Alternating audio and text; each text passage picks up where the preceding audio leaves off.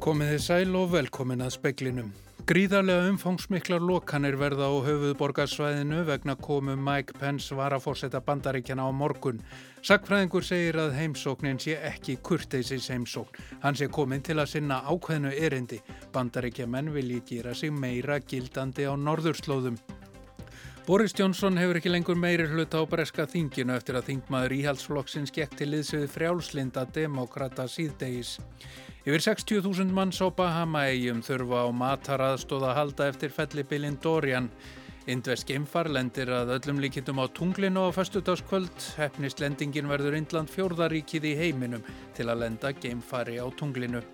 Yfir 80 lifir og ófáanleg hér á landi. Apotekari hvetur alla sem að málinu koma til að leita lausna. Livjaskorturum valdi auknu álægi á lækna, heilsu, geslu og sjúkrás. Þá geta hann verið hættulegur heilsu fólks. Um sjónamaður speilsins er Pálmi Jónasson. Karlmaður lést í köfunarslýsi úti á eigaferði til móts við Hjalteyri í dag. Tilkynnt var um slýsið um tvöleitið í dag. Maðurum var fluttur á sjúkrahúsið á Akureyri þar sem hann var úrskurðaður látin. Láreglan verður með víðtækar lokanir á höfuðborgarsvæðinu vegna heimsóknar Mike Pence var að fórseta bandaríkjana á morgun. Þetta segir Áskýr Þór Áskýrsson aðstóðar yfir laurugluð þjóttn í samtali við fréttastofu. Þetta svæði afmarkast við Borgartún, Sæbraut, Kringlumýrabraut og Snorrabraut og geta lokanirnar varað í marga klukkutíma. Þær hefja strax um morgunin og auka síðan eftir því sem líður á daginn en ætti að verða lokið síðdeis. Sem dæmi verður sæbrautinni lokað í báðaráttir áskir viðu kennir að þetta sé mikið ingripp í umferðina en heimsók penn sé stór lögraglaða gerð. Nánar er sagt frá þessu eða verður sagt frá þessu á vef, vef okkar rú.is innan mjög stutts tíma. En Guðmundur Haldanásson, professor í sakfræði og forstöðumæður hugvísindasviðs Háskóla Íslands, segir að heimsókn var að fórsetta bandaríkjana sé ekki kurteisis heimsókn. Hann komi hingað vegna erinda sem hann sé að reka. Bandaríkjaman vilja gera sig meira gildandi á norðurslóðum. Kínverðar hafa sínt svona áhuga á að fjárfesta á Grænlandi. E, rússar eru að gera sig gildandi á artiska svæðinu en það þeir mjög langa strönd að norður Ísafinu þannig að Bandrækjumenn eh, kannski já, vilja sjá til þess að þeir geta miskusti fylst með, geti haft ákveðna viðveru á þessu svæði já, sem stórveldi til þess að hafa áhrif á það hvernig kínverðar og, og rússar spila þennan leik. Sagði Guðmundur Haldánarsson og ítalegar fjallaði þetta mál í speiklinum á ettir. Boris Jónsson, forsætisráð þeirra Breitlands, hefur mist meiri hluta í neðri málstofu Breska Þingsins umræðurum að óska aftur eftir frestun á útgöngu breyta úr Evrópussambandinu hófust nú rétt fyrir fréttir. Breska Þingi kom saman í dag eftir sumafrí og það var ekki löng byð eftir fyrstu stór tíðindunum. Þegar Johnson var í miðjum klíðum að flytja ræðu um fund G7-ríkjana stóð þingmaðurinn Philip Lee upp úr sæti sínu og gekk yfir til stjórnarandstöðunar regulatory barriers. Yeah. Britain is on the verge Hann sendi svo frá sér yfirlýsingu þar sem kom fram að hann var í gengin til liðs við frjálslinda demokrata. Þar með misti Boris Johnson meiri hluta á breska þinginu og það má búast við frekar í tíðindum af þinginu í kvöld. Umræður eru hafnar um tillögu þess efnis að fara fram á frestun á Brexit aftur. Fyrirhugaður útgöngudagur breyta úr ESB er 31. oktober og Johnson hefur sagt að það kom ekki til greina að fresta því. Þingmenn úr röðum íhalsflokksins hafa líst yfir að þeir ætli að greiða atkvæði með frestun til þess að reyna að koma í veg fyrir Brexit án samnings. Búist við því að Breska þingi greiði atkvæði um frestunina um hálf nýjuleitið í kvöld. Breskir fjölmilar hafa fullirt að ef þingið samþykja að komi í veg fyrir samningslöst Brexit og byggja ESB um lengri frest, ætli Johnson að búa til kostninga sem verði í næsta mánuði.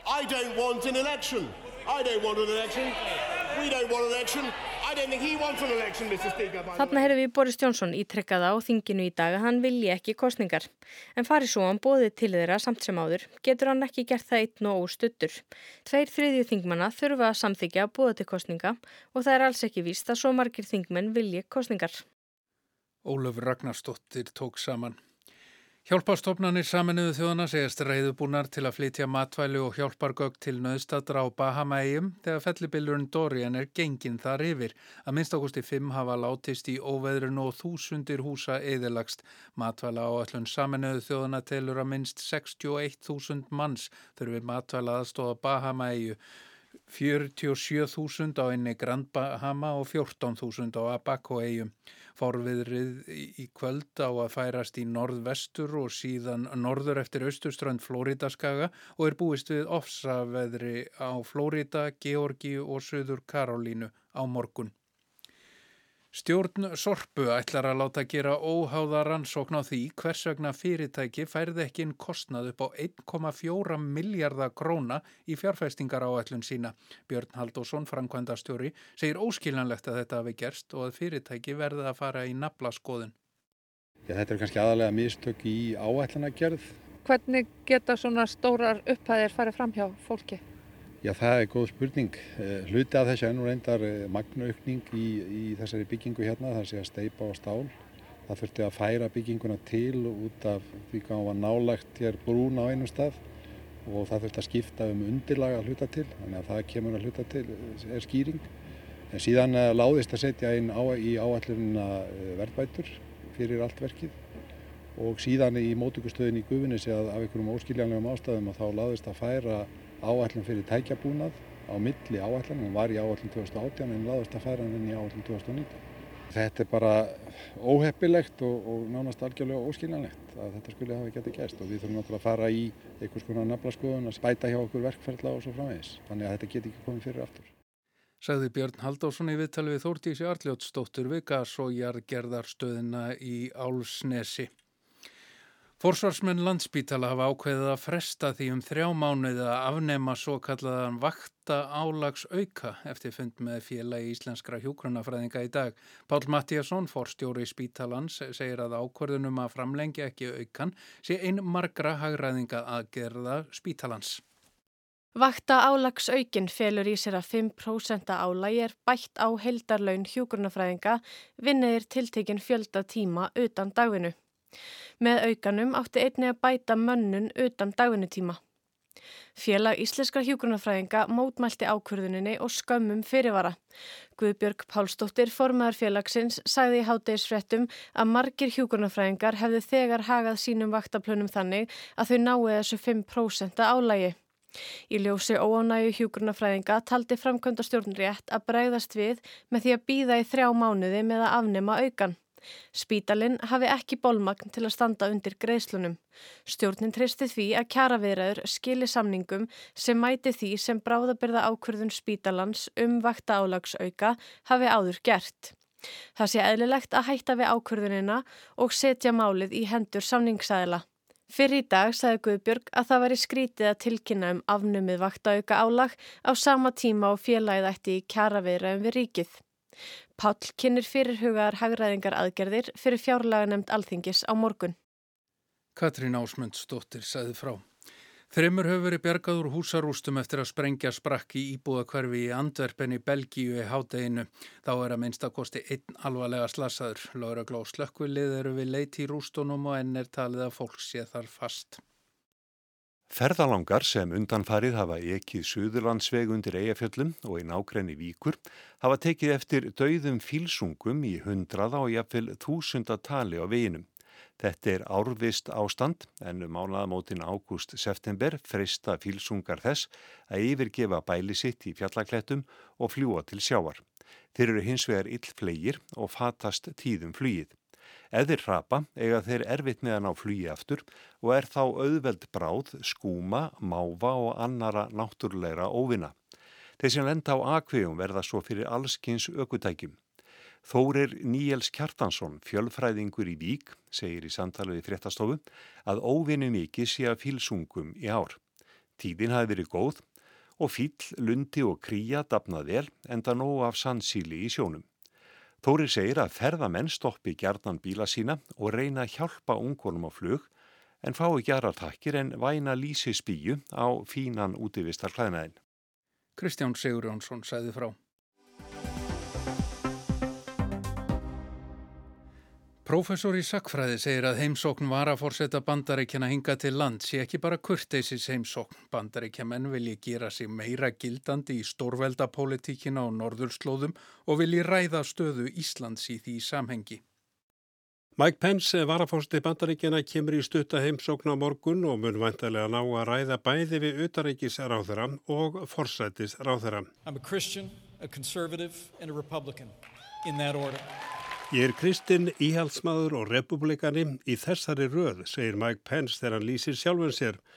Það er að sjálfsögðu tíðind að vara fórstið í bandaríkjana staldri hér við, en hvað má lesa í þessa heimsókn og hvert er erindið? Guðmundur Haldunarsson, professor í sakfræði og fórstöðumadur hugvísindarsviðs Háskóla Íslands, segir að það sé engum tvent fyrsta lagi þá svona, lítum á þetta í lengri tíma þá eru þetta samskiptin við Ísland er bandarækjunum mikilvægt vegna þess að Ísland er á hernaðlega mikilvægum stað eh, hér var herstöð til skamstíma og bandarækjumi vilja halda áfram aðgangi sínum að þessari herstöð þannig að, að, að þetta svona almenna sambands Íslands og, og bandarækjana skiptir það máli.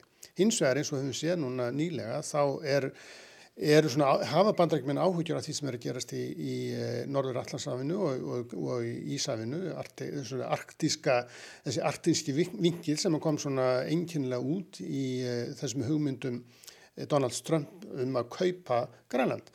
Þannig að, að sjálfsagt er, er sá, það einnig svona í huga Mike Pence þannig að kemur til Íslands, hvernig, hvernig svona já, hvaða, hvaða hlutverki og hvaða stöðu Ísland hefur í þeirri, í þeirri stórveldapólitik sem, sem að þarf er fram. Í frettatilkynningu kvítahúsin sem byrt var um miðjan síðasta mánuð kom fram að Pence myndi ræða við ráðamenn hér um mikilvega staðsetningu Íslands á norðurslóðum, stefnu NATO að dragur auknum umsu rúsa á norðukveli og loks um möguleika og auknum virskiptum Íslands og bandaríkjana. Bandarækjumenn hafa aukið nærveru sína á Íslandi að undanförnu en stefna þeirra auknum umsvefu hér. Það er alveg hugsalegt, það er, það er sem sagt varnasamningurinn í gildi þá, þó svo að herstuðum sig ekki hér, þannig að, að bandarækjuminn telja sig hafa möguleika að geta komið yngar með svona til að stöttum fyrirvara, þá eftir að koma í ljós hvað gerist ef, ef, að, ef að þeir sækja það fast. Þannig að það hefur í sjálfs ekki breyst vegna að Ísland er enn á sama stað. Ísland er í miði, miði Norra Allandsafinu Hann bendur á að áður hafi Ísland verið annar endin á mikilvægu hernaðarsvæði millir Íslands og Breitlands. Bandaríki menn hafi haft mjög gott yfirliti yfir allar reyfingar Sovjetríkjana í norður allarsafi. Nú beinist áhugin að norðurslóðum. Og menn eru svona að setja þessi í starthólunar, að menn séu tilbúinir ef að þannig opnast eitthvað að þá, að þá hafi þeir þá möguleika til þess að stýra þessu stórveldi hafa áhuga á að stýra heiminum og við þurfum, það hefur alltaf verið þannig og, og bandrækjuminn eru stórveldi og, og þess vegna vilja þeir og telja sig eiga rétt á eða, eða, eða miskostið þurfa á einhvern nátt að gera sér gildandi og gildandi með svona sterkari hætti heldur en verið hefur. Guðmundur bendir á að í raun hafi bandarækjumenn nokkuð góðan aðganga á norðurslóðum í gegnum NATO, hernaðar samstarfi Danmörku og hernaðar umsvið á Íslandi. Klaufalegt útspil Donalds Trump um að kaupa Grænland hafi kannski verið dæmi um áhuga bandaríkjumanna á að gera sig gildandi á þessum slóðum. Það er eins og þetta upplaup hafi svona gert að verkum að þeir vit ekki alveg svona hvernig þeir eigi að, að, að gera sig gildandi á þessu svæði. Þeir vilja það en, en hvernig það gerast það, það er ekki alveg ljóst og sjálfst er það eitt af því sem þeir koma til með að tala þannig saman um. En eftir hverju sækjast stórveldin, Guðmundur segir að það sé ekki endilega auðlindir sem kunna að vera þarna, heldur strategísk staða þeirra, reiknaði sé með að siglingaleiðir opnist yfir norðurskautið. Kínverðar hafa sínt svona áhuga á að fjárfest á Grænlandi, rússar eru að gera sér gildandi á artiska svæðinu, en það eiga þeir auðvitað mjög langa strönd að Norður Ísafinu, þannig að Bandrækjumenn eh, kannski já, vilja sjá til þess að þeir geta miskosti fylst með, geti haft ákveðna viðveru á þessu svæði já, sem stórveldi til þess að hafa áhrif á það hvernig kynverðar og, og rússar spila þennan leik. Guðmundur segir ekki ólíklegt að viðskipti veri rætt á morgun, ekki síst í ljósi þess að bandarækjumenn hafi lofa breytum stórum fríversnasamningi eftir brexit. Það kemur í ljósa morgun hvert umræðaefni verður en það eru tíðindi að varafórsiti bandaríkjana komi hér við. Þessir pótundatar kom ekki til landa nema þeir hafi einhver að tellja sig eitthvað erindi þángað. Þetta er ekki bara kurtisheimsókn, hann er að, er að koma vegna einhverja erinda sem hann er að reka. Þetta er allt sem sveipa dálítil hulu sem er auðvitað líka já, mjög gerðnan með svona, svona heimsóknir vegna þess að mann vilja spila þessi spil svolítið bak við tjöldin. Þannig að jú, þetta eru, þetta eru, eru hérna tíðindi og við skulum sjá hvað gerist. Það getur vel verið að þessi heimsókn hefur eitthvað verið hugsuð í tengslu við eh, væntanlegan fund uh, Donald Trumps og, og, eh, og danskra yfirvalda og, og grænlenskra sem, að, sem var blásið af. Það getur vel verið að þar hafi átt að vera eitthvað tengslamilli. Þau tengslu eru væntanlega horfið núna en, en, en við, við skulum bara sjá til. Sagði Guðmundur Haldánarsson Arnar Pál Haugsson tók saman. Indverska geimfarið Shandrian 2 lendir að öllum líkindum á tunglinu á förstudagskvöld. Hefnist lendingin verður Indland fjórða ríkið í heiminum til að lenda geimfari á tunglinu á eftir bandaríkjónum Rúslandi og Kína. 50 ári eru síðan Neil Armstrong steg fyrstur mannafæti á tunglið. Lítið skref fyrir mannin en risastort stökk fyrir mannkinnið. 5, 4, 3, 2, 1, 0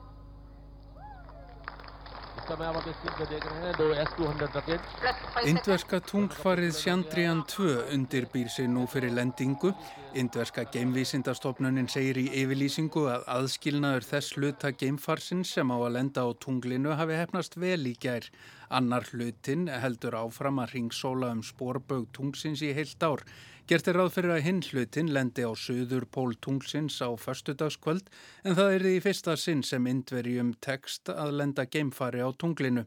Geimvísindastofnunin segir að allt virki eins og það á að virka bæði í þeim hluta sem ringsólar um tunglið og eins þeim sem á að lenda á tunglinu á förstudagskvöld.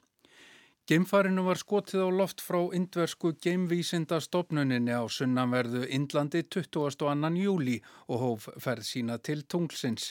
20. ágúst tókst að beina því á brautum tunglið en það var erfiðast í hjallin því hefði þetta mistekist hefði farið glatast og þeist út í óravítir geimsins.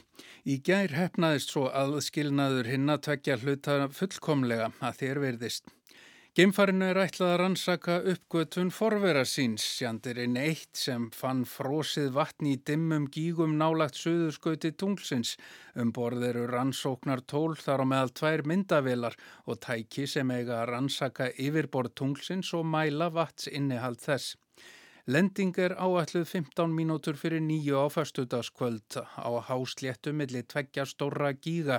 Lendingastæðurinn er sunnar en áður hefur verið lenda á tunglinu en það þykir mikilvægt í fyrirhugðum vatsrannsóknum.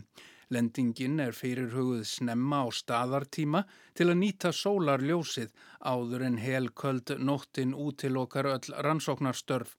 Hefnist lendingin verður Indland aðeins fjórða ríkið í heiminum til að lenda geimfari á tunglinu á eftir bandaríkjónum Rúslandi og Kína.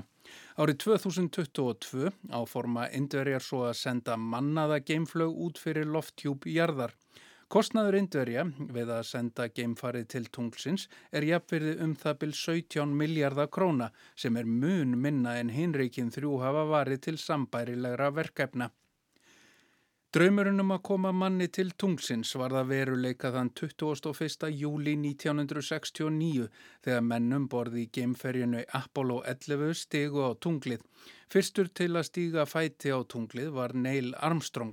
Armstrong is on the moon. Neil Armstrong, 38 year old American, standing on the surface of the moon on this July 20th, 1969. That's one small step for man, one Upptakan er óljós og menn hefur greint á um hvað Armstrong sagði í raun og veru.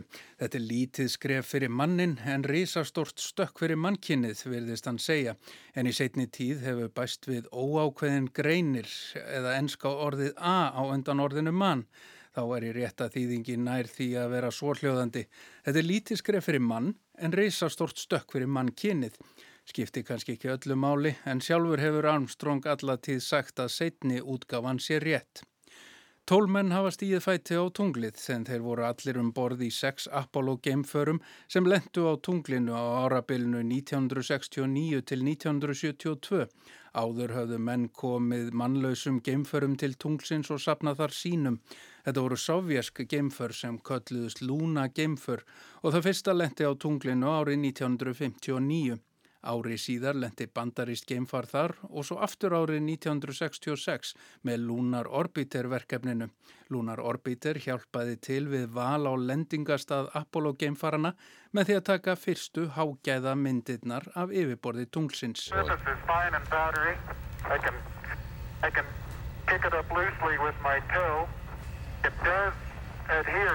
in fine layers uh, like uh, powdered charcoal to the uh, Mánin er eini fylginnöttur jarðar og er meðal fjarlað hans frá jörðu sögð 384.400 kilometrar. Tunglið fer einn ringum hverjus jörðu og um það byleinum mánuði. Það er bundið möndul snúningi og snýr því alltaf sömu hliðað jörðu. Á íslensku Wikipedia síðunni segir að menn séu ekki sammála um hvernig tunglið myndaðist. Yngsta kenningin sem nefndir til sögunar er árekstrar kenningin og er hún sögð svo líklegasta. Kenningin kom fyrst fram árið 1975 og segir að fyrirbæri á stærði Mars hafi rekist á jörðina af gríðarlegu afli með þeim afleðingum að kjarnar þeirra hafi runnið saman.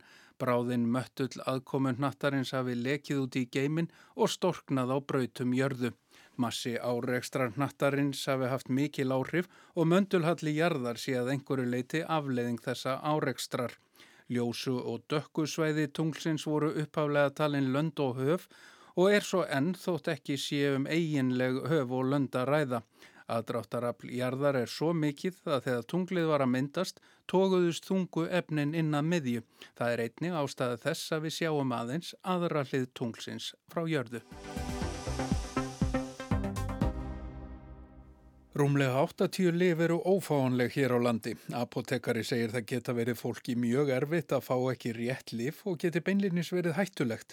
Eitt lif er ófáanlegt vegna yfirvofandi útgöngu breyta úr Evrópussambandinu en algengari ástæða livjaskortsins verðist vera svo að erlendum livjaframleðendum finnst eftir sóknaverðar að leita en á stærri markaði en Ísland.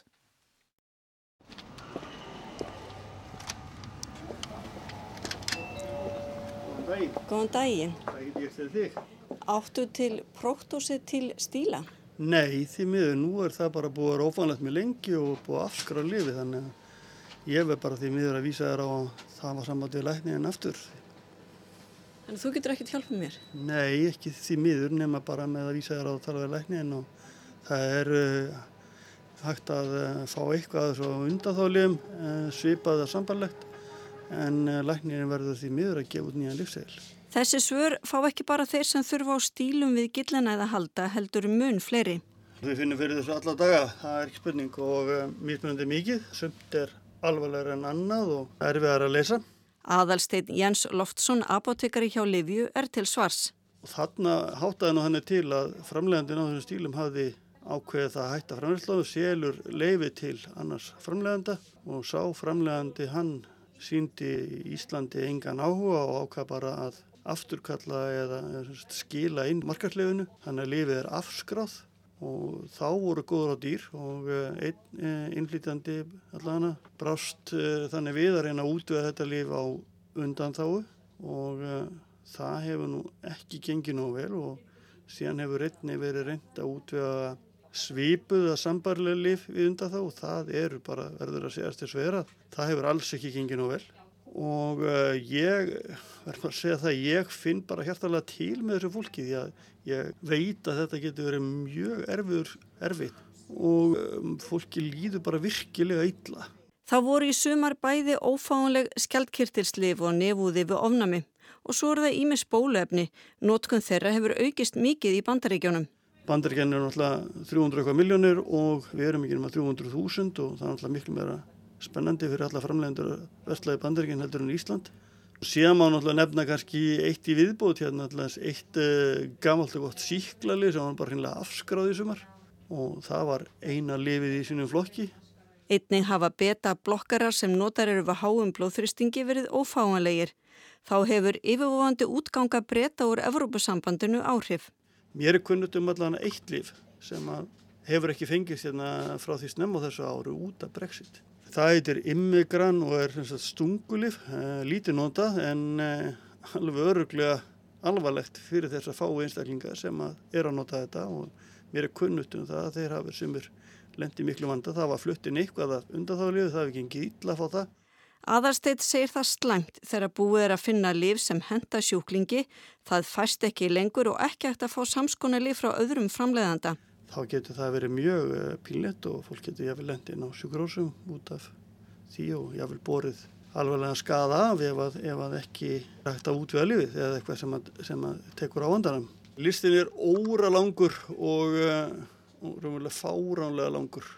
Það er bara, það er bara þannig. T5V, Duag, Flutivate og Dermovat, Opnol, Doloproct-stílar, BCG Medag, Ibufen, Euthyrox, Varilrix, Dalasín, Tamiomoxifen Milan, Doloproct, Flixotide, Amilorite, Co-Trimoxazol, Testogel, Surmontil, Sumatriftan Bluefish, Twinrix Adult og Varilrix, Harmonet, Glusagen, Leptanal, Surmontil, Fluoxetin Actavis, Elvanse Adult, Sotalol, Betolvex, Leflunomide, Sotalol, Fusitin, Femanest, Sobril, Doloproct, Imdur, Ismo og Femmono, Kolorokin Fosfat, Betolvex, Questran, Questran Log, Flutivat og Dermovat krem, Aromasín, Varilrix, Nebito, Paracetamol stílar, Mianserin Milan, Naproxen Milan og Naproxen E-Milan, Pinex Junior, Norgesek, Moviprep, Emigran stungulif, Hjartamagnil, Artsal, Tamoxifen Milan, Prednisolon Actavis, Dekortin, Kinines Sulfate Actavis, Calcium Santos, Buspiron Milan, Liothyronin, Liothyronin Sodium, Kovar, Klomipramin Milan, Anafranil, Furadantin, Minirin, Aspirin Actavis, Cyclocapron, Sintosinon, Estrogel, Kolrefus, Co-Trimoxazol, Tifin V, Nistimex, Tvinrix, Havrix og Varilrix. Þessi lista er byrtur á vef Livjastofnunar og þar er einnig að finna tillugur að livjum sem nota mætti í staðin. En getur fólk beðið um þau í apotekinu? Nei, það er nú því miður þannig að við hafum ekki mjög vítaka heimil til þess að gera það. Livjafræðingar meiga afgreða annað liv en livsel segir tilum þegar beðið er um ófáanlegt skjaldkirtilslif en þegar það kemur á öðrun livjum þá og ef ekkert er til sem ættir að nota annar styrkleiki eða annar framlegandi þá er umvel ekkit annað í bóði heldur en að viðkomandi hafi samband við læknir sinna aftur. Þannig fólk þarf að setja sig aftur í sambandi á læknin og fá lífsegl fyrir öðru lifi og er það alltaf þá nýðugreitt úr ríkinu? Nei, það er það nefnileg ekki alltaf sko. Það er eins og undan þá lifin, það er reglan eh, frekar nýtt að þau eru ekki nýðugreitt Þannig að þetta getur verið bæði óþægind og auka kostnær fyrir sjúklingin. Já, þetta er auka álag á eh, heilskjöfstöðarleiknana og sérfræðinga og spítalan og þetta er bara auka vinna, auka vesen þannig að það myndi ég segja að það væri eh, æskilegt að þeirra er að sem að er að fást við þessi mála þeir eh, kannski hófuðu sér nú saman í eitt góðan fund og leituðu lausna. Og smæðin vinnur ekki með Íslandi.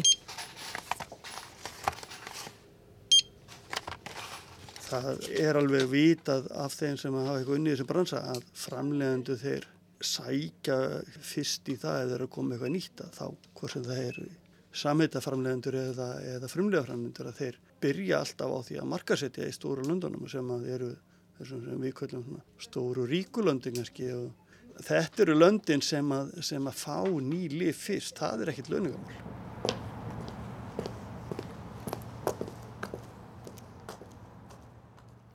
Kristín Sigurðardóttir tók peistilinn saman og talaði við aðalstein Jens Loftsson. Verði sæl.